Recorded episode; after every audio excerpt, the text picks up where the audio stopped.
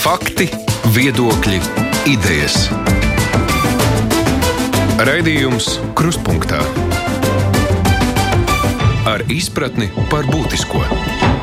Studijā Mārija Ansone. Kliniskās laboratorijas pandēmijas laikā ir kļuvušas par vienām no noslogotākajām iestādēm. Sākoties jaunajam mācību gadam, Covid-19 testu apjoms pieauga pamatīgi. Turklāt ne tikai vakcinācija, bet arī testēšana ir bijusi ar mītiem apvīta, ko bieži izmanto Covid noliedzēji. Tas arī būs viens no sarunas tematiem šodienas raidījumā. Viens no, jo mūsu viesa vadītās iestādes darbības lauks ir krietni plašāks par laboratoriskajiem izmeklējumiem. Tātad mūsu studijā šodien ir pārtikas drošības, dzīvnieku veselības un vidas zinātniskā institūta biordirektors Aivars Pērziņš. Labdien! Labdien! Um, runājot par testēšanu, nu, jaunais mācību gads sākās ar to, ka vajadzēja testēt papildus 200 tūkstošu cilvēku. Un, uh, tagad jau ir laboratorijas teikušas, ka nu, ir tas apjoms ir pa daudz, pa lielu, un uh, tagad testēšanu samazinās no reizes nedēļā uz reizi divās nedēļās. Uh, kā jūs tikāt galā ar šo uzdevumu? Tas tika viss sadalīts ar četrām laboratorijām. Jūs esat vieni no Jā, teikšu atklāti, ka pirmās dienas, tad, kad tiek dots uzdevums ar, ar lielu testēšanas apjomu, tas nav viegls nevienai laboratorijai, lai, vai cik viņi būtu profesionāli attīstīti un ar kādu jaudu nestrādātu. Bet e, svarīgākais bija tas, ka bija sava veida jau gatavība jau no iepriekšējā pusgada gūtā. Un otra lieta, protams, ir eh, ļoti svarīgi, ka mums arī bija kaut kādā brīdī šajā, jāsaka, šajā gadā arī laboratoriju koordinatora loma, kur savā veidā arī to iedarbināja, faktiski to mehānismu. Otra puse, protams, par to gatavību jāsaka tā, ka Gatavības ziņā var, mēs varam būt kā laboratorija arī lieliem un vēl lielākiem apjomiem, bet ļoti svarīgi laboratorijām ir divas lietas. Tā ir noteiktība un plānveidīga pieeja. Tad, kad mēs šīs divas, divas pieejas izmantojam un ka mēs varam sagatavoties, tad, protams, arī šo apjomu visu var uh, pacelt. Bet nu, tā noteiktība un tā plānveidīgā pieeja, tas nozīmē, ka jums ir zināms, cik liels būs darba apjoms. Jūs pieņemat cilvēkus, jūs iepērkat uh, kaut kādus uh, nu, tos reaģentus vai kā tas notiek? Tā, kas ir tā lielākā problēma, ja pēkšņi pasaka? Notestējiet vēl pāris simtus. Jā, ja tā vienkārši salīdzinot, nu, tā cilvēkiem saprotamā valodā laboratorija ir, mēs ikdienā strādājam ar konkrētu daudzumu testiem, ir prognozējumi, ir programmas un tam līdzīgi. Un tad vienā brīdī, kad jums uh, pasaka, ar nākamo nedēļu jums būs nevis 1000 paraugi, bet jums būs 15 vai 20 tūkstoši paraugi. Tas saistīts, protams, ar to, ka ir vajadzīgs papildus cilvēku resursus, uh, pie tam ir vajadzīgi arī reaģēt reaģenti un, un kiti un viss tam līdzīgi, kas ir vajadzīgs testēšanas nodrošināšanai. Tas nozīmē to, ka ir faktiski ļoti īsā laikā ir jāmobilizē lieli resursi, lai to visu varētu saorganizēt. Bet jūs taču ieguldījāties, jums tās robotizētās tehnoloģijas jūs Jā. ieviesāt. Pro, protams, arī robotizētās tehnoloģijas ieviesām, bet arī tas prasa savu veidu laiku. Un, jāsaka, tā, ka arī šo tehnoloģiju ieviešana un arī faktiski cilvēku resursi, tas ir tas būtiskākais. Viņu gan, ja varētu tā teikt, fiziskā un morālā gatavība uzņemties tādu lielu darbu apjomu. Un salīdzinājumā es gribētu teikt to, ko mēs bieži arī publiskajā telpā aizmirstam, ka pandēmijas laikā nu, eh, cepuru nost un visu cieņu mediķiem, medicīnas personālam slimnīcās, tad es varētu teikt, ka laboratorijās tā dzīve nav nebūtu vieglāka. Tā brīžiem ir eh, cilvēki beidz darbu piecos no rīta, citi nāk nakts maiņās, citi dienas maiņās. Eh, tad, protams, ir arī tuvu izdegšanai. Tad ir jāatrod profesionāli cilvēki, ir funkcijas, kuras nevar veikt tik viens, kur vajag arī kaut kādas specifiskas zināšanas. Līdz ar to tāda ir sava veida ļoti operatīva efektīva mm, cilvēku resursu un, un tehnoloģiju un, un arī vispārējo resursu mobilizācija. Jums tā nav, ka Covid dēļ nu, kaut kādas pārējie izmeklējumi cieš un samazinās, un ka viss aiziet tikai uz Covid? Mm, teikšu, teikšu tā, ka nē, mēs to esam ļoti rūpīgi izvērtējuši. Gribu teikt, ka mēs šobrīd esam uz tāda savu veidu robežas, nu, uz tā, ko mēs varam darīt. Jo mūsu valsts deleģētās funkcijas ir gana plašas, un kā, to, ko varbūt varētu pieminēt kā piemēru, gan pārtiks, gan veterinārā uzraudzība, visas šīs monitoringa programmas, tās ir mūsu pleciem. Un pandēmijas laikā mums bija ļoti svarīgi arī pasargāt savus cilvēkus. Un kāpēc? Tāpēc, ka ikviena no šīm valsts deleģētām funkcijām, ja tā tiek traucēta, tad faktiski nu, tiek traucēta nu, pārtiks tirzniecība, eksports, imports, robežu kontrole, pārtiks veterinārā dienas darbs, valsts auga aizsardzības dienesta darbs. Šur tur var būt slimību profilakses centru saistībā, jautājumi, veselības inspekcija un tā tālāk. Tā kā faktiski jāsaka tā, ka mēs to ļoti, ļoti rūpīgi sekojam līdzi, lai netiktu traucēti traucētas mūsu pamatfunkcijas, lai gan jau tuvojas tā kritiskā robeža, ka jau nu, ir spriedze liela, ir vajadzīgas vēl paplašināt mazliet telpas, pielāgot tehnoloģijas un tam līdzīgi. Bet kā sanāk, tad tas, kas attiecas uz eh, Covid, tad uh, tas ir nu, valsts pasūtījums kā obligāts, vai jūs paši izvēlaties, kādu apjomu jūs veicat? Uh, attiecībā uz apjomu, protams, tiek, tas tiek diskutēts un runāts gan ar veselības ministriju, gan ar Nacionālo veselības dienestu un, un, un laboratoriju koordinātoru, lai saprastu to, kādas apjoms var kura laboratorija veikt. Ja mēs atgriežamies pandēmijas sākumā, kad Covid tikai klauvēja pie durvīm, tas bija 20. gada marts. Es ļoti labi atceros pirmo sanāksmi veselības ministrijā, kad Cipuls kundze runāja par neatliekamās medicīniskās palīdzības dienesta izaicinājumiem, kad brauc tajā laikā. Man liekas, gandrīz pie katra pacienta individuāli bija individuāla pieeja, un, un tad laboratorijas runāja, kurš testē kādus desmit, desmitus paraugu, kurš testē jau simtus. Uh, tajā laikā neviens nevar iedomāties ka pēc gada mēs nonāksim, ka mēs e, visi nu, tās laboratorijas, kas testē, mēs runāsim par tūkstošiem dienā. Un, un, protams, ka tas bija savu veidu tāds nu, jā, laiks, kad vajadzēja pielāgoties un, un atrast to, to optimālāko pieeju. Bet e, nu, tā no malas skatoties, liekas, o, oh, nu, šī te testēšana, nu, laboratorijām, kuras e, tomēr vairumā gadījumu ir, nu, privātas pelnošas iestādes, ka nu tik ir peļņas laiks. Tur var nopelnīt ar šiem testiem, jo tur daudz naudas valsts tērē tam visam. Jā, es gribu teikt to, ka mēs esam valsts. Jūs esat institūts un valsts mm -hmm. laboratorija, un, un attiecībā uz to, protams, ka mums arī kā valsts institūcijas aicina, protams, un, un ko mēs darām, arī mēs veicam virkne izmeklējumu, mēs veicam kalkulācijas un, un teiksim, nu, no valsts kontrolas, jau, jau mūsu komunikācijas valsts kontrole jau pirms laba laika. Nu, mēs tikām atzīti kā viena, patiesībā mēs bijām viena no pirmajām laboratorijām, kurā tika jau tā teikt valsts kontrolas eh, ļoti uzslavēts atzīta pieeja eh, kalkulāciju veikšanā. Un šīs kalkulācijas, protams, ir ļoti svarīgi laboratorijai eh, precīzi veikt un lai tās būtu piemērotas konkrētiem apstākļiem un, un, un tam līdzīgi. Un, tāpēc tas mums ir svarīgi, ka mēs nu, pieejam pie šīs arī kalkulāciju izvērtēšanas un tā visa sistemātiski un akurāti, tā lai tas atbilstu reālai situācijai. Bet nu, jūs varat nopelnīt kaut ko uz šī rēķina, vai, jo bio, nu, bija, bija lētāk nekā citām laboratorijām. Un tad vienbrīd bija pat eh, brīnums, kāpēc eh, biori tiek tik maz izmantots. Eh, jā, tas jautājums varbūt sākumā bija, bija vienkārši laboratorijas, kuras ko cik daudz var paveikt. Tas bija pirmais jautājums. Un tad mūsu atbilde bija sekojoša, ka mēs varam paveikt, ja mēs to varam saulaicīgi ieplānot, un tad mēs zinām, kādā laika periodā kādu apjomu var veikt.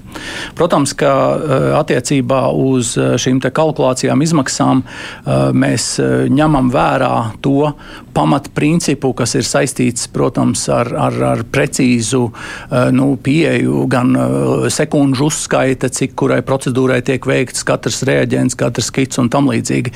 Tā kā, nu, protams, privātās laboratorijas varbūt var mazliet atšķirīgu metodoloģiju veikt, bet mūsu pieeja ir tāda, kas ir nu, valstiski akceptēta un, un izmantojama. Un klausītāja raksta, ka viņi ir mēģinājusi savu meitu pieteikt uz biotestu veikšanu, bet sazvanīt laboratoriju nebija iespējams, elektroniski tur neviens neatbildēja, un ka izrādās, ka ar to arī citi ir saskārušies, vai vajadzēja uzņemties to, ko nevar izpildīt. Um, Jūs varat izpildīt uh, šīs saistības, vai tas tomēr sagādā grūtības? Es teikšu tā, ka mēs varam izpildīt tās saistības, un, un tas klausītājai jāatvainojās, ja viņi nav spējusi mūs sazvanīt, bet uh, reālā situācija ir tāda, ka pirmās eh, divas nedēļas, pirmās desmit dienas, kad tika palaistas skolas. Visām, visas laboratorijas ir faktiski ir izaicinājumi priekšā nodrošināt pietiekamu kontaktu skaitu. Mums pat ir izveidots, kas ir līdz šim mums nav bijis institūtā zvanu centrs. Tie ir vairāki cilvēki, kas atbild uz zvaniem. Uz visiem zvaniem tiek atzvanīts, ja nav atbildēts, un arī elektroniski mēs atbildam. Un tur, ja klausītājai varbūt tās ir kāda individuāla lieta, ir droši e bio-e-pasts, mēs uz visiem reaģējam. Tā kā, nu, to arī gribētu lūgt arī tādu izpratni tajā ziņā, ka, ja ir milzīgs skaits, kā te tika pieminēts, ir, mums ir 400 400 pāri 450 eh, jau valsts eh, iestādes, mācību iestādes, eh, uz kurām jāreģē. Tas ir milzīgs skaits ar, ar, ar skolēniem, ar, ar, ar, ar studentiem un tam līdzīgi, kur mums jāapkalpo. Bet tas lēmums samazināt testēšanu skolās no vienreiz nedēļā uzreiz divās nedēļās, tas ir prātīgs un pamatots, jūsuprāt? Es domāju, ka tas ir viens risinājums pie esošās situācijas. Tas, es domāju, ka to arī epidemiologi varētu teikt savu viedokli. Tā ir sava veida pieeja tādās krīzes situācijās, ka jums ir milzīgs skaits. Ir, tas ir viens no risinājumiem. Protams, es uzskatu, ka ir ļoti liela nozīme vai ļoti liela loma ir profesionālam epidemiologu viedoklim. Epidemiologi tie, kuri vērtē situāciju un arī nosaka to toni testēšanas stratēģijās, eh, kas tiek pielāgots atbilstoši situācijai. Tā ir ļoti, ļoti svarīga. Jo testēšanas stratēģija kā tāda laboratorijas sniedz šo tehnisko atbalstu, testēšanas kapacitātes, jaudas un tam līdzīgi, bet tad ir ļoti svarīgi no otras puses arī epidemiologi un infektologi, kur sniedz šo profesionālo viedokli par testēšanas stratēģijas korekcijām. Nu jā, ne, protams, ka mm -hmm. tas ir jautājums epidemiologiem, bet nu, kā jums tā nu, no malas raugoties, šķiet, ja sākumā bija tāds jautājums uh, reiz nedēļā, vai tas uh, vispār nu, kaut ko dod, ņemot vērā, ka tie testi, nu, parasti jau tā, viņi skaitās divas, trīs dienas derīgi, bet uh, nu, saslimt var ļoti drīz pēc tam, vai tā beigās nav tāda vienkārši naudas izšķiešana, ka tāpat neko īsti ne, nu, ne, nevar noķert, un tajā pašā laikā, ja tēt būs vēl divreiz retāk, tad, nu, vai tam ir jēga? Noteikti ir jēga. Teikšu tā, ka noķert var mēs pirmās nedēļas tikai mūsu institūta laboratorijas vien, ko mēs redzējām pirmajās nedēļās, tie ir desmitiem jau pozitīvi paraugi. Uh, otra lieta, ka uh, mums jāatcerās tas, ka testēšanai ir dažādi mērķi. Mums ir viens mērķis, ja mums ir indivīds vai individu grupa, kur mums jāpierāda, ka viņš ir inficēts pozitīvs, tad mums ir uh, skrīninga pieeja, ka mums ir svarīgi no milzīgas paraugu skaita mēģināt izķert ārā, ja tāda drīkst teikt, eh, šos te pozitīvos, aizdomīgi pozitīvos, lai varētu saulaicīgi arī kaut kādus eh, pasākumus eh, ieviest un tam līdzīgi. Tā kā tam nozīme, protams, ir, bet ļoti svarīgi ir klausīties tomēr epidemiologos un arī, manuprāt, ir ļoti svarīgi arī skatīties to, kas notiek reģionos, pašvaldībās un patiesībā šie pirmie, pirmie skrīninga rezultāti jau faktiski jau parādīja skaidri, ka mums ir Latvijā atsevišķas vietas, kā Covid uzliesmojumi, kas ir lokāli, kur var lokāli pieiet un jau kaut ko veikt, kaut kādas ierobežojušas pasākumus. Mm -hmm. Jā, par to mēs mazliet vēlāk arī mm -hmm. par šiem te plašākiem pētījumiem, bet vēl runājot par testēšanu, vēl šī ideja, ka, nu, arī, lai atvieglot mm -hmm. laboratoriju darbu, padarītu ātrāku un efektīvāku, tos paraugus vāks e, visus kopā bērniem, nu, tur noteiktai grupai, un tad e, mēģinās uh, atrast, vai tur nav inficēti Cik tas ir precīzi? Tas ir ar šādu skrīninga mērķi, tas ir pietiekami, ja varētu teikt, optimāli šim skrīningam pašam. Un tad, protams, ir parasti pie milzīga paraugu skaita arī mums ir jāmēģina arī tās nu, prioritātes noteikt. Ja mēs tagad skatāmies, ka skola ir sākusies un tagad tas rudens laiks, ka mums ir delta variants, ir ļoti izplatīts, mums tomēr šim skrīning, skrīningam kaut kādā mērā ir jābūt, lai mēs varētu izsekot un izķert šos gadījumus. Un faktiski tie, manuprāt, jau tie pozitīvie signāli, ja mēs esam epidemiologi, arī SPKC ir redzējuši jau konkrēts Latvijā vietas, kur mēs tiešā vārdu nozīmē varam teikt, tie bijuši uzliesmojumi. Uh, runājot arī par šiem testēšanas veidiem, um, tad uh, bija, ir tie trauciņi, kur bērns pļauj, tad kociņi kaut kādi. Kā vispār parādās visi šie, kā tiek izvēlēti šie testu veidi, ka tas būs labs, šis būs labs? Uh, mhm. Nu, par, par augu ņemšanas veidi, protams, ka to ņem gan uh, kopā sadarbībā, gan infektologi, gan laboratorijas speciālisti, kuri kopīgi uh, skatās pirmkārt par augu ņemšanas tehnikas, kādas ir šobrīd pieejamas. Noteikti tiek izmantot arī ārvalstu laboratoriju pieredze. Un trešais, protams, ir zinātniskās publikācijas un zinātniskie pētījumi, kuros tiek uh, pārbaudīts viens vai otrs metodas, efektivitāte, jutība un tam līdzīgi. Un tas, protams, ir eksperta līmenī. Ir tāda vienošanās par to, ka jā, šī metode būtu pieejama. Protams, arī jautājums ir par metodas validāciju un tālāk ieviešanu. Jā.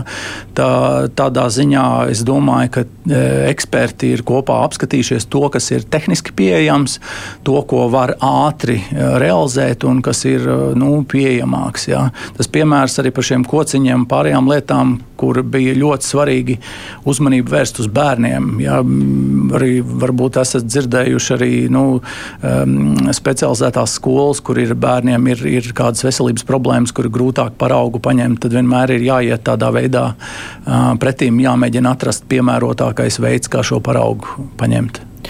Um, šie testi arī ir bijuši tādiem nu, mītiem apvīti, piemēram, um, ka tagad uh, vāc uh, bērnu un ko viņi tur ir iespļāvuši, lai uztaisītu aizsūtītu viņu gēnus eh, kaut kur uz nezinu kurien. Nu, ja jūs dzirdat kaut ko tādu, jūs, eh, ko jūs sakat tiem cilvēkiem? Uh, jā, jā, mēs mēģinām, ja drīkst tā teikt. Um, ikdienas mūsu kolēģi, ne tikai zvanu centrā, bet eksperti, administrācija, tie ir neskaitāmi cilvēki, kas mēģina atbildēt uz cilvēku jautājumiem, kuri, kur, kur ir radījuši cilvēkiem bažas. Un kā viens no piemēriem uh, ir, uh, ir nu, jāsaka tā, ka tas savā veidā izklausās pat no malas mazliet koordinēti, masveidīgi tiek brukts laboratorijām, ka tagad šis bioloģiskais materiāls kaut kur citur tiks izmantots.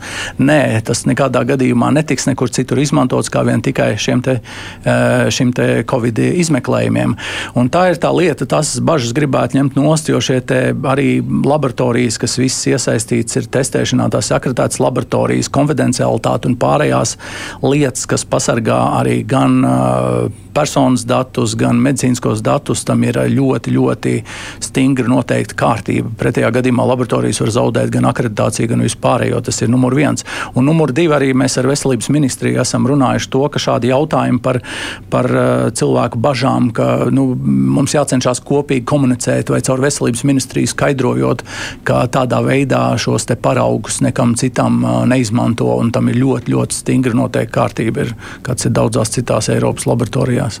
Nu jā, droši vien jautājums par to, ka kādam tiek jā. nodoti gēni vai paraugi, tas jau varēja rasties arī pirms 15 gadiem, jo laboratorijas es, jau strādā. Es, es teiktu, kopš, kopš laboratorijas pastāv jau kopš tā laika arī bažas varētu būt, ka mums kaut kas tiek nodots vai netiek nodots. Un, ja mēs paskatāmies katrs kā indivīds, cik daudz mēs esam jau paraugus savā mūžā nodevuši, ejot pie ģimenes ārsta, ejot uz kādiem izmeklējumiem vai kur citur. Es, es, es neredzu pamatu bažām, kāpēc šobrīd tāds satraukums ir īpaši par šo siekalu siekalu testu būtu. Bet uh, jums ir kāda mm. versija, kāpēc, kāpēc tieši par Covid ir tik liels satraukums, arī runājot par vakcīnām, jo vakcīnas ir bijušas tik daudz jau iepriekš, bet uh, satraukums ir tieši tagad. Manuprāt, viena lieta, ka šīs paudzes, kas tagad nu, kas mēs dzīvojam, paudzes. Mums ir vecākā paudze, tā ir, kur jau ir faktiski, varētu teikt, pēc otrā pasaules kara dzimusī paudze, tad ir vēl jaunākas paudzes, un, un jāsaka tā, ka cilvēce, nu, droši jau var teikt, gandrīz vai pēdējā gadsimta laikā nav saskārusies tik lieliem izaicinājumiem. Līdz ar to tas ir kaut kas jauns, daudziem nezināms, varbūt vēl neskaidrs, neizskaidrots līdz galam ikvienam iedzīvotājam. Tas rada tādu savu veidu bažas, manuprāt.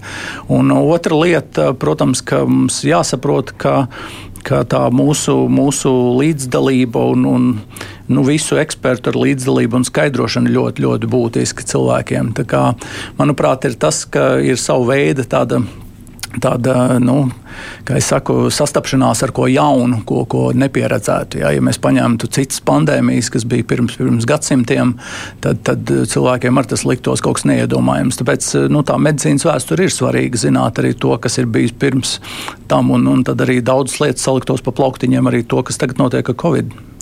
Bet tu strādā, strādājot tagad, eh, jo vakcinācijas punktos, un arī mediķi nu, ir saskārušies ar to, ka cilvēki, kuri tagad uh, iet vakcinēties, ka ir vairāk tādi, kuri ļoti negatīvi noskaņoti, agresīvi, jo nu, viņiem sanāk, ka viņi negrib vakcinēties, bet, nu, lai kaut ko varētu darīt, tad nāks vakcinēties. Vai laboratorijas arī to jūt ar to, ka cilvēki ir dusmīgi? Uh, jā, taisnība.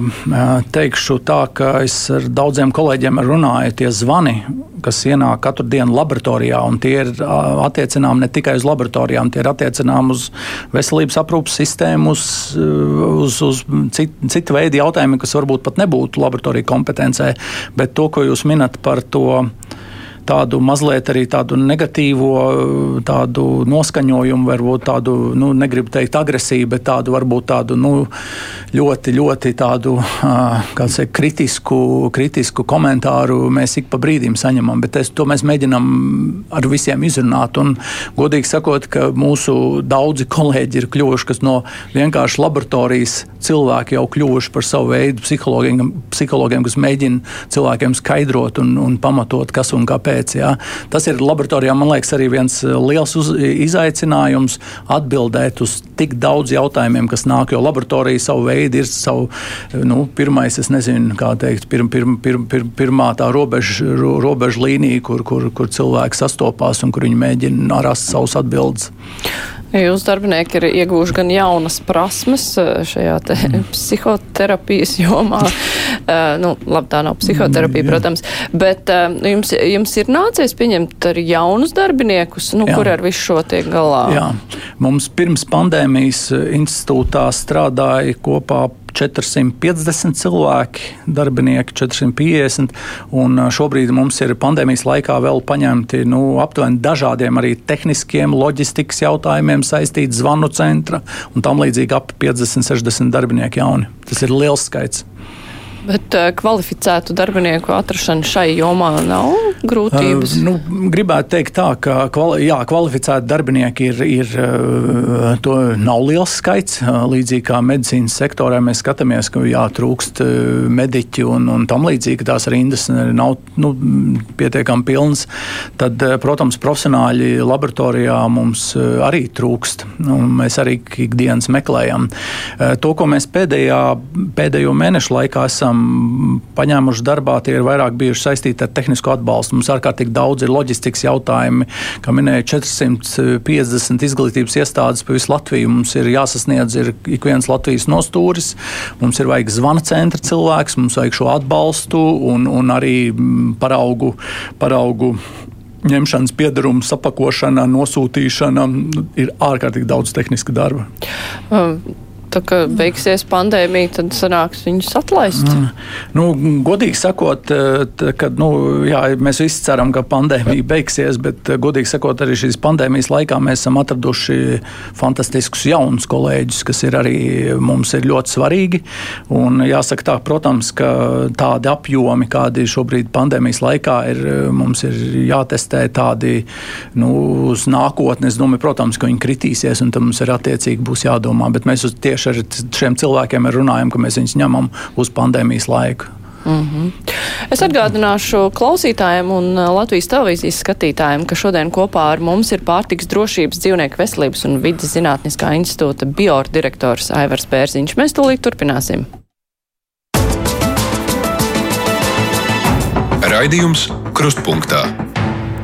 Par pētījumiem runājot. Bior bija iesaistīts pētījumos, tur tika pētīti, jūs skatījāties gan notekūdeņus, lai uh, varētu nu, prognozēt šos te nākotnes uzliesmojumus. Un bija arī pētījums par to, cik tad cilvēki ir pārslimojuši, nezinot Covid. Uh, Vai jūs redzat, ka šie pētījuma rezultāti pēc tam tiek eh, izmantoti nu, kaut kādās tādās tiešām reālās prognozēs? Jo, ja tiek prognozēts kaut kur kaut kāds uzliesmojums, es vismaz eh, ziņās īsti neesmu dzirdējis, ka kāds teiktu, ā, nu, mums te pētījumi rāda, ka tur un tur būs traki, vai arī tas netiek afišēts, bet reāli ar to strādā. Jā. Ļoti, ļoti labs jautājums. Tad, tad eh, pirmais, eh, ko es gribētu teikt, ka notekūdeņu monitorings attiecībā uz Covid-19 Eh, ar to jau mēs strādājam jau pāris gadus sadarbībā ar Biomedicīnas pētījumu centru, ar RTU. Un gribu teikt to, ka šie rezultāti nav tie, kuri uzreiz ir, ir kā es saku, nu, piesaistītu plašu sabiedrības uzmanību vai kur būtu liela publicitāte masu medijos, ka tagad ir konstatēts tas un tas.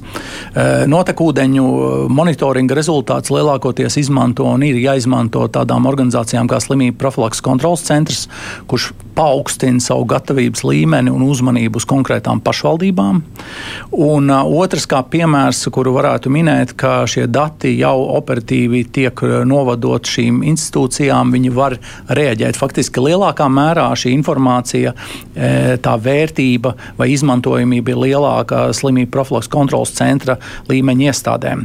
Kā piemēru minot, nu, teiksim, pagājušajā gadā, kad vēl bija pētījums, kad, kā piemēru, parādīja kuldīgu, ļoti skaistu ko korelāciju, kur ar SPKC redzēju un izmantoju un arī pievērsu pastiprinātu uzmanību, ka 5-6 dienas pirms uzliesmojuma parādījās strauji pieaugums RNS kopiju skaita pieaugums notekūdiņos, kas vienkāršam iedzīvotājiem varbūt šie dati vai grafiki neko neizteiktu, bet SPKC savukārt var pievērst uzmanību. Un pēdējais varbūt ar šo gadu saistīts arī Valmiera, ja salīdzinām Valmieras pilsētas svētki, kur bija klasisks problēma redzēja, ka bija liela cilvēku sanākšana, kaut kāds cilvēku skaita arī nu, konkrētā laika periodā pieaugums, kas arī tālāk atspoguļojas savā veidā ar saslimušo skaita pieaugumu attiecīgajā pašvaldībā. Eh, runājot par to, kā tiek izmantots un vai tiek izmantots, eh, jāsaka tā, ka eh, to, ko ar Eiropas komisija šobrīd ir atzinusi, ir tās ir šobrīd vairākas, jau vairākas Eiropas valstis, kas izmanto šo pieeju. Un eh, viena ļoti, eh, ļoti svarīga lieta, ka, ko vēlos pateikt, ka mēs esam viena no pirmajām Eiropas valstīm, kura šo pētījumu ir, ir transformējusi valsts monitoringa programmā. Un Eiropā faktiski šīs valsts nav daudz, kuras ir nonākušas līdz tam, lai transformētu konkrētu pētījumu jau valsts monitoringa. Publiskā telpā mēs bieži dzirdam nu, pētījumus, notekūdeņu pētījumus un tam līdzīgi, bet reāli tā jau ir valsts monitoringa programma. Tas manā skatījumā ir jau konkrēts pienesums, kad mēs šīs jaunās iegūtās zināšanas varam transformēt produktā, šajā gadījumā nu, eh, vienkārši izsakoties eh, jaunā monitoringa programmā, kas ir ieviesta un ministrs kabinetā apstiprināta. Bet tas nozīmē, ka ir ne tikai pētījumi, bet ka tas tiešām tiek eh, izmantots ļoti praktiski arī jā, dzīvē. Jā. Šobrīd ir tā, ka mm, valdība ministrs kabinetā tika apstiprināta šī programma patiesībā kā programma tikai vasaras vidū. Līdz ar to finansējums, kas tika arī piešķirts, piešķirt šīs programmas ieviešanai, nonāca vasaras vidū līdz uh, mums un arī sadarbības partneriem, kuri šo te realizē. Un faktiski ir pirmais mēnesis, ir pagājis pirmais mēnesis, ka uh, tagad jau tie dati jau, jau ļoti eleganti tiek salikti kopā un tiek izmantoti. Tā kā nu, līdz gada beigām, un, un, un tad mums ir jāskatās, kā tālāk uz priekšu un turpmākiem gadiem.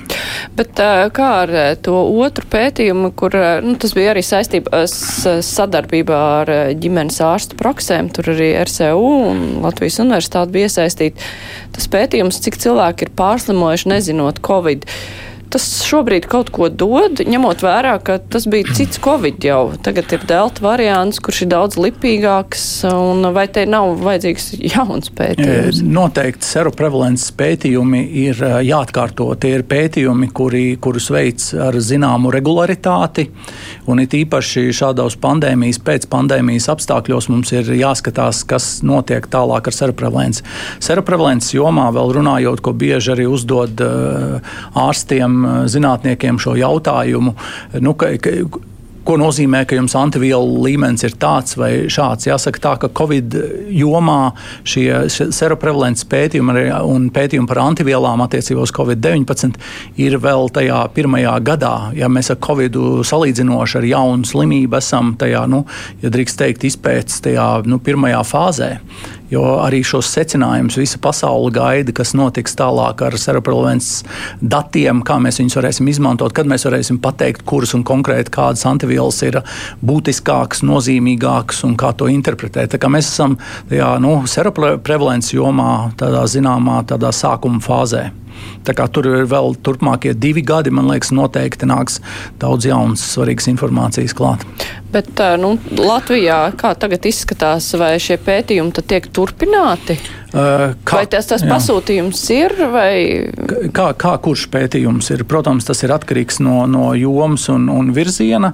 Ir daži, kur ir notiek pārāvumi, daži pētījumi ir transformējušies jau Eiropas līmeņa pētījumu projektos, daži ir, ir varbūt ir jau pabeigti un kuriem finansējums vairāk nav.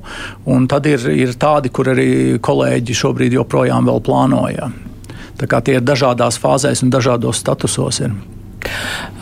Klausītāji ir uzrakstījusi, tas gan attiecās mazliet uz to mūsu iepriekš runāto, bet, mm. bet runājot par to, kāpēc tāds satraukums par visu viņas teoriju. Vīrus nāca no Ķīnas, daudz lietotāju vietpulksteņu sensoru ievāktie dati nonākuši Ķīnas datu apstrādes kompāniju rīcībā.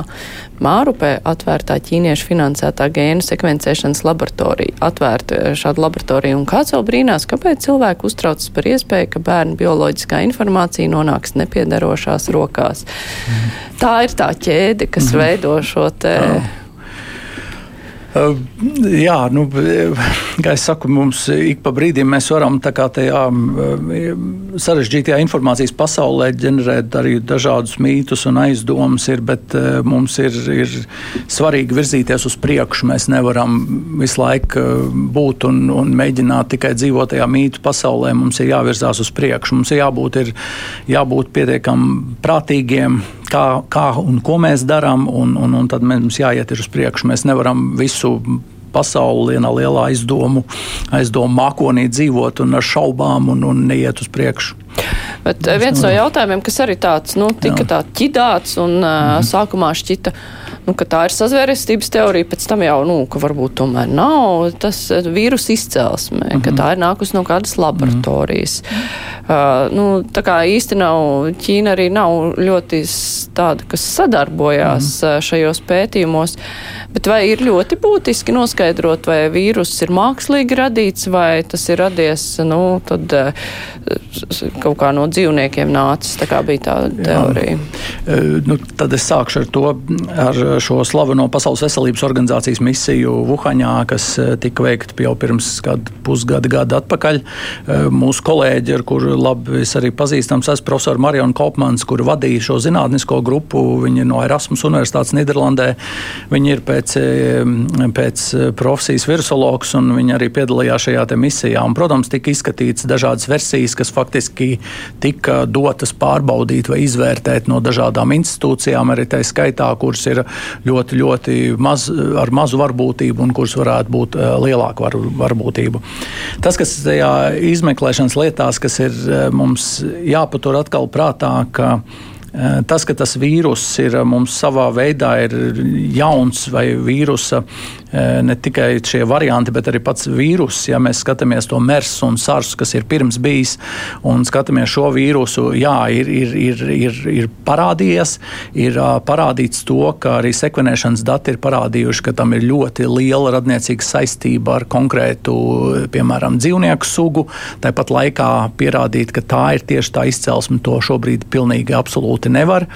Tad ir otra, otra papildus versija, ka mums ir ne tikai tas potenciālais rezervārs, bet arī ir kaut kāds starpsaimnieks, ja tā mēs drīkstam teikt, dzīvnieku suga, caur kuru tas ir nonācis uz cilvēku, jau kā gatavs, kurš var izraisīt uzliesmojumus un pēc tam pandēmiju.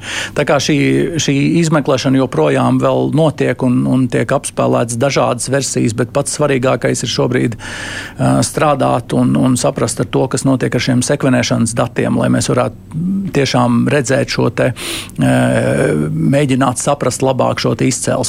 Bet atgriežoties pie tā, es domāju, ka cilvēkam ir jāsaprot Nevajag radīt eh, liekus, nevajadzīgs mīts, bet jāsaprot to, ka cilvēku populācija, kur ir milzīga saskara ar dzīvnieku blīvumu un ar lielu, lielu uh, blīvumu, un, un ar, tur parādīsies arī ļoti liela varbūtība, ka kāds no vīrusiem varēs pārvarēt arī sugas robežas, varēs radīt jaunus uzliesmojumus un arī potenciāli nākotnē arī jaunas pandēmijas. Nu, tas ir parādījis, un par SARS-CoV-2 jau, jau 7. gadā bija publikācijas, kas jau cēla trauksmi un zvanīja signālus, ka nu, tuvākajā desmitgadē mums e, ir gaidāma ļoti nopietnas epidēmijas. Tad vēl varbūt neformu, nenoformulēja kā pandēmija, vēl nebija nojausma, bet jau brīdināja.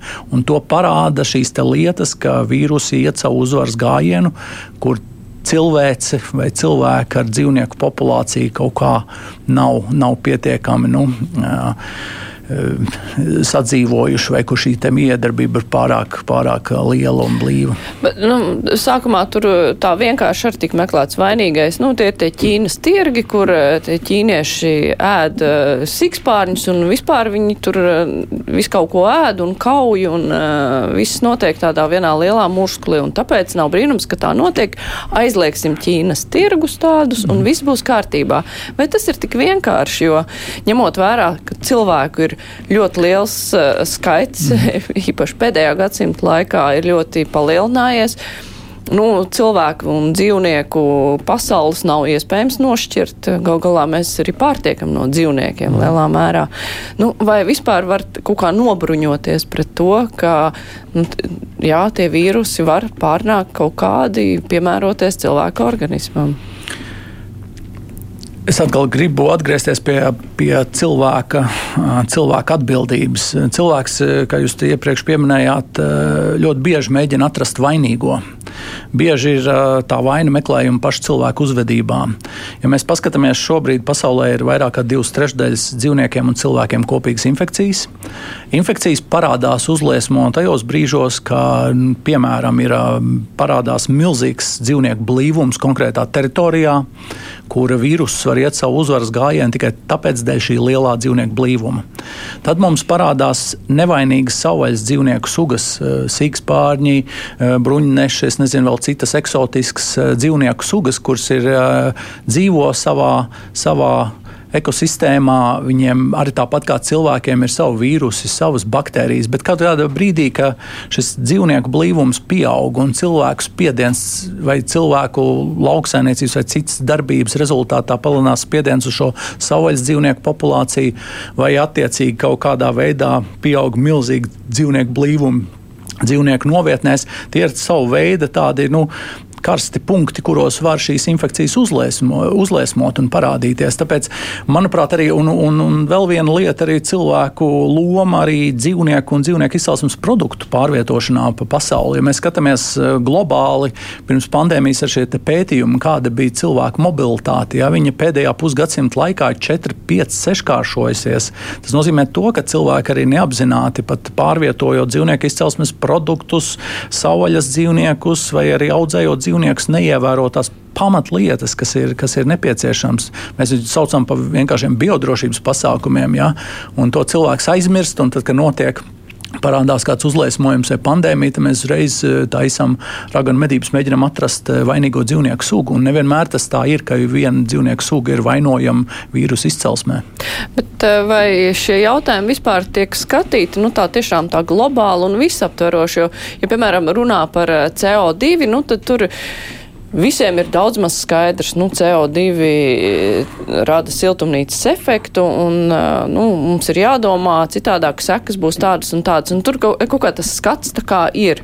Bet, eh, ja paskatās uz to, kā šī ekosistēma izjaukšana var ietekmēt, piemēram, vīrusu pārnes no dzīvniekiem uz cilvēkiem, vai kāds vispār tos procesus tā vēro plaši, monitorē, vai tas ir nu, kaut kā no uzliesmojuma uz uzliesmojumu, mm -hmm. tad uh, vienkārši. Ir, jā, ir, ir, nu, ja mēs skatāmies tādā globālā starptautiskā mērogā, ir trīs lielas organizācijas. Pasaules veselības organizācija, eh, tad ir OIE, kas ir Pasaules dzīvnieku veselības organizācija, tad ir FAO, eh, pārtiks lauksainiecības organizācija.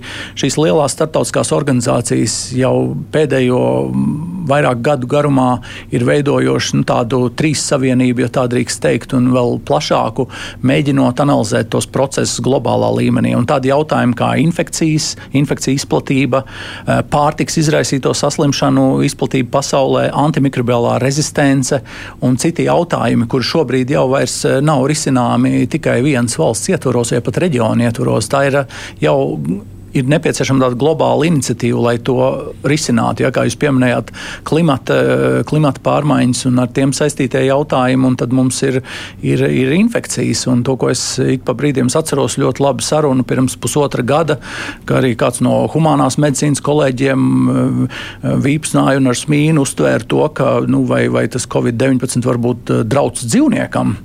Ja, mēs atkal esam atraduši kaut kur vainīgo vai kā, un, un nepagāja ne, ne, ne daži mēneši. Mēs redzējām, pasaulē parādās uzņēmīgas dzīvnieku sugas. Infekcija ir cilvēka infekcija, savukārt parādās uzņēmīgas dzīvnieku sugas, un parādās ir dzīvnieku suga, kurā var pēkšņi būt pat uzliesmojums. Ja.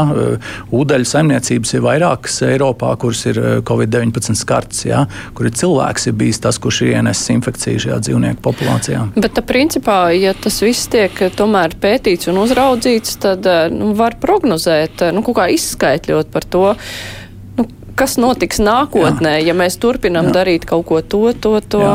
Noteikti to, ko šodien uh, dara un daudz zinātniskie institūti pasaulē, ir uh, gan matemātiskā modelēšana, gan prognozēšana. Kā piemēru minot, uh, varbūt kas tā vienkāršāk uztverams, mums ir daudzas vektoru pārnēsātas slimības, teiksim, ir knišļi, odi, dažādas asinsūcēju kukaiņi, kuri, kuri pārvietojas kaut, kādus, kaut kādu konkrētu distanci.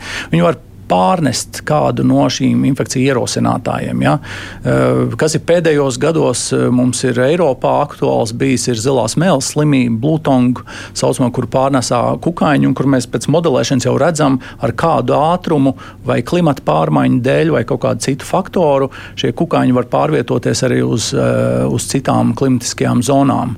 Un arī mums pirms pāris gadiem ar zemkopības ministriju bija, bija arī tādu pētījumu veikusi arī Rīgas Rīgas eh, ostā, eh, lidostā, kur notiek kravu, kravu pārvietošana liela, cik no eksotiskām valstīm mēs varam ievest šādus te, pieņemsim, vektorus, kuri varētu potenciāli pārnest eh, slimības.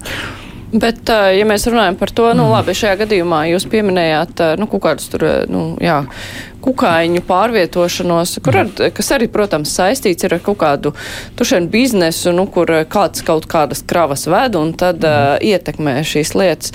Bet, uh, principā, cik viegli vai grūti ir nu, valstīm vai zinātniekiem pār, pārorientēt biznesu vai piespiest biznesu kaut ko nedarīt, brīdinot, ka nu, tur var sanākt ziepes, tur var izjaukt ekosistēmas, tur var nākt slimības. Cik viegli ir ar to vispār? Nu, īsiem vārdiem nav, nav viegli, bet jāsaka tā, ka mūsu, mūsu arī lauksainiecības sektors un, un un, un, un citu. Ja pārtiks, varbūt nozares sektori ir, ir mūsdienās jau ļoti profesionāli un, un zinoši, un viņi tos draudus ļoti apzinās. Jo tie apdraudējumi faktiski var ieviest būtiski korekcijas vai ietekmēt biznesu zaudējumus. Tāpēc mūsdienās tas ir tikai normāli, ka uzņēmēji darbība apzinās šos riskus. Jā, tāpēc arī tādi institūti kā mēs, kur veids zinātniskā riska novērtējumu, kaut kādā veidā varam palīdzēt šo ar zinātnisko padomu ne tikai nozarei, bet arī valsts, valsts institūcijām. Jūs esat arī Eiropas, šī organizācija sauc Eiropas pārtikas nekaitīguma iestādes valdes Jā. priekšsēdētājs tagad. Um, Eiropā standarti, ja mēs runājam par pārtiks drošību, ir, nu, ir augstāki nekā ASV, kur ir atļauts vairāk nekā Eiropā. Bet kā šie standarti vispār tiek noteikti? Nu, cik liela loma tur ir biznesam, kas uh, nu, pretojās uz, uzlikt latiņu mm. Jā, jāsaka tā, ka, to, ko jūs pieminējāt, Eiropas pārtiks nekaitīguma iestāde, jā, tā ir viena no lielākām Eiropas komisijas aģentūrām. Un tā ir tā viena lieta, kas arī ļoti svarīgi saprast to, ja runā par miedarbību ar nozaru un tam līdzīgi. Šī EFSA vai Eiropas pārtiks nekaitīguma iestāde ir pilnīgi neatkarīga institūcija, kur strādā ar zinātnisku risku novērtējumu un šo informāciju dod lēmumu pieņēmējiem, kas ir Eiropas komisijā. Tā kā šie procesi ir stingri nodalīti, bet tiek pārnest šī lieta. Attiecībā uz, uz industriju un nozari jāsaka tā, ka, protams, tā, tā ir iesaistītā puse, kur arī, arī riska novērtētājiem jāzina arī industrijas, nu, ja varētu teikt, tādi uzstādījumi vai lietas, kas nozarei ir svarīgas, tie ir faktori, kur tiek ņemti vērā un apzināti, tad, kad tiek veikta arī savu veidu veida šī riska novērtēšana. Un, un jāsaka tā, ka te ir ļoti, ļoti svarīgi uh, saprast to, ka uh, visi šie te, nu, kas mums ir potenciāli apdraudējumi, uh, kur tiek veikta arī riska novērtēšana, tas ir tas pamatu pamats kaut kādu standartu vai normu noteikšanai. Jo faktiski šobrīd nekādi standarti un normas netiek no zila gaisa paņemti. Tie ir visi ir balstīti zinātniskā riska novērtējumā. Tā ir tā Eiropas politika. Un otra puse, ko jūs minējat par to, ka vai Eiropā ir šie augstākie pārtiks drošības standarti, jā, tie ir vieni no augstākajiem pasaulē. Protams, nozarei tas ir milzīgs izaicinājums, lai neietekmētu būtiski konkurētspēju, jo, jo jums ir augstāki standarti, tas arī prasa kaut kādu veidu resursu, lai to nodrošinātu. Tas ir liels izaicinājums. Ir, jā. Tāpēc arī ļoti būtiski dažādas prasības, kuras tiek ieviestas, mēs nevaram palikt vienkārši Eiropā tikai vienkārši ar prasību, prasībām, standartu standartiem un kļūstam nekonkurētspējīgi. To nedrīkst pieļaut. Tāpēc, bet, nu, katrā ziņā tas, tas balans ir jāatrod. Bet kā tas tā vēsturiski ir veidojies, kā Eiropai ir izdevies panākt šos augstākos standartus? Kāpēc, piemēram, amerikāņiem tie nav tik augsti? Es teiktu, savā veidā tā ir Eiropas uh, kultūra vai Eiropas patērētājs, kuriem ir augstas prasības. Ja mēs skatāmies, uh, nu, Eiropā ir uh, patērētājs, uh, patēr, patērētājiem ir uh, svarīgi tādi jautājumi kā dzīvnieku labturība, patērētājiem ir svarīgi jautājumi, kas saistīti ar vidi, un tas nevienmēr visās pasaules malās ir vienādi. Savā veidā tas dzinējs spēks arī Eiropā bijis līdz šim arī patērētājs, kurš ir skatījies, ja mums ir augsti standarti. Mēs Mēs gribam drošu pārtiku, mēs negribam no pārtikas mirt vai slimot. Mēs gribam, ka arī dzīvnieki, kuri tiek izmantoti pārtikā, lai tiem tiktu ievērot labturības prasības un tam līdzīgi. Un tas ir savu veidu tāds vēsturisks dzinējspēks, un Eiropa bija, ir bijusi savu veidu vairākus soļus priekšā šajā jomā, kāpēc šie standarti tā ir veidojušies. Um, bet uh, šie standarti mainās, laik pa laikam tiek atklāts kaut kas, kas kādreiz tika uzskatīts par drošu, ka tas tomēr nav tik droši. Uh, mm. EFSA pie kā tagad strādā? Kas tagad Jā. tiek uh, pētīts? Nu, EFSA šobrīd ir tie lielie izaicinājumi. Ir, um, šis gads bija tas gads, kad tika publicēta regula, eh, kuras mērķis bija palielināt eh, riska, zinātniskā riska novērtējumu caurspīdīgumu. Tas nozīmē, to, ka arī visi dati, ar kuriem strādā EFSA, ir pieejami nozarei, pieejami iesaistītajām pusēm, tad palielināt šo caurspīdīgumu. Un šobrīd, ja skatās, protams, tie galvenie izaicinājumi ir pesticīdu jomā, dažādi kumulatīvā riska novērtējumi, ir ļoti liela uzmanība šobrīd tiek pievērsta arī dzīvnieku infekcijām un labturībai. Kā piemēram, Covid ir viena vien no tēmām, kur EFSA skata tajā ziņā, cik liels ir šis zoonotiskais potenciāls, jā, cik lielā mērā var šī slimība var izplatīties dzīvnieku, dzīvnieku vidū. Un, un tad trešā varbūt lieta, kas, kur arī varētu pieminēt, kur joprojām tiek pastiprināti arī ieguldīti resursi, ir arī pārtiks patēriņa dati. Tie Eiropā ir ļoti, ļoti svarīgi, lai varētu veikt dažādu ķīmiskā un bioloģiskā apdraudējuma risku novērtējumu. Uh, ko pārtiks patēriņa dati var Pārtiks, pārtiks patēriņa dati parāda to mums, cik konkrētā Eiropas valstī vai, vai kopumā Eiropā kādi produkti tiek patērēti, jo šie dati ir ļoti svarīgi ir gan ķīmiskā, gan bioloģiskā piesārņojuma riska izvērtēšanā. Ja, ja mēs zinām, nu, kā piemēru varam minēt, mums ir uh, jūras zivis, kurās tiek monitorēts dioksīns, ja, tad mums ir svarīgi saprast, cik Eiropas patērētājs šīs zivis patērē. Ja. Risks ir ļoti, ļoti niecīgs, ja mēs apēdam vienu lasi mēnesī, un risks pieaug, ja mēs ēdam dienā spaini ar lašiem. Ja. Nu, tā vienkārši salīdzinot. Tā, tā ir tāds, tāds piemērs, ir, kādā veidā šie pārtiks patēriņa dati tiek izmantoti riska novērtēšanā. Un kā jums uh, vispār izdodas apvienot šo amatu? Cik es saprotu, EFSA atrodas Itālijā. Parmā, jā. Nu, pandēmijas laikā mums ir viss ir valdes sēdes, ir virtuālā formātā. Pandēmijas laikā pēdējā mums bija jā, pirms, pirms pandēmijas pēdējā sēde. Tas notiek četras, eh, četras reizes gadā. Tas ir divu, trīs dienu sanāksmes, eh, nu, uz kurām ir jāsagatavojas, un, un, un kuras ir vai valdes sēde ir jānovada vai kā tam līdzīgi. Tā kā, nu, tas ir diezgan liels izaicinājums. Nu, jāsaka tā, ka tas nav nepārtraukts darbs. Tās ir tādu četras, eh, četras sesijas gadā, kurām ir nopietni jāsagatavojas. Tas ir ļoti svarīgs pasākums. Bet tas, ka Latvijas pārstāv pārstāvis ir EFSA valdes priekšsēdētājs. Tas ir, tur notiek kaut kāda rotācija vai kas? Jā, tas ir jā, sarežģīts, sarežģīts process, kā tas tiek darīts. Tā ir vienīgā Eiropas komisijas aģentūra, kurā ir izraudzīti konkursu kārtībā pēc profesionālajām kompetencēm cilvēki. Nevis tā, ka visi pārstāv visas dalību valsts, bet uh, jā, 11 cilvēki. Jā, 15 valdē. Valdes locekļi. Tad ir faktiski, jā, šis process ir garš. Šobrīd es esmu pienākumu izpildītājs, bet, protams, ir oktobrī mums vēl tās vēlēšanas. Tas cikls ir četru gadu cikls, kurš tiek, uz kuru tiek ievēlēti valdes, valdes locekļi. Un tas process sākās ar ietu gadu garumā caur Eiropas komisiju, Eiropas padomu un Eiropas parlamentā apstiprina. Tas ir tāds gada garumā garš process. Tas nozīmē, ka jūs tur esat nevis tāpēc, ka esat biora direktors. Tur šajā organizācijā EFSA nav pārstāvētas ne valstis, ne valdības, ne kaut kādas konkrētas institūcijas. Jūs kā pats vienkārši. Jā, esat. tieši tā, to arī nedrīkst darīt. EFSAS valdē jūs strādājat kā Eiropas cilvēks. Ar, jūs nedrīkstat tur iet startēt ar Latvijas karogu vai ar savu institūtu Uh, lietu, šie interešu konflikti tur ir ļoti saulēcīgi jānovērš. Ir. Bet no 22. gada šī pieeja mainīsies arī pēc Junkera kunga uzstādījuma, palielinot šo caurspīdīgumu.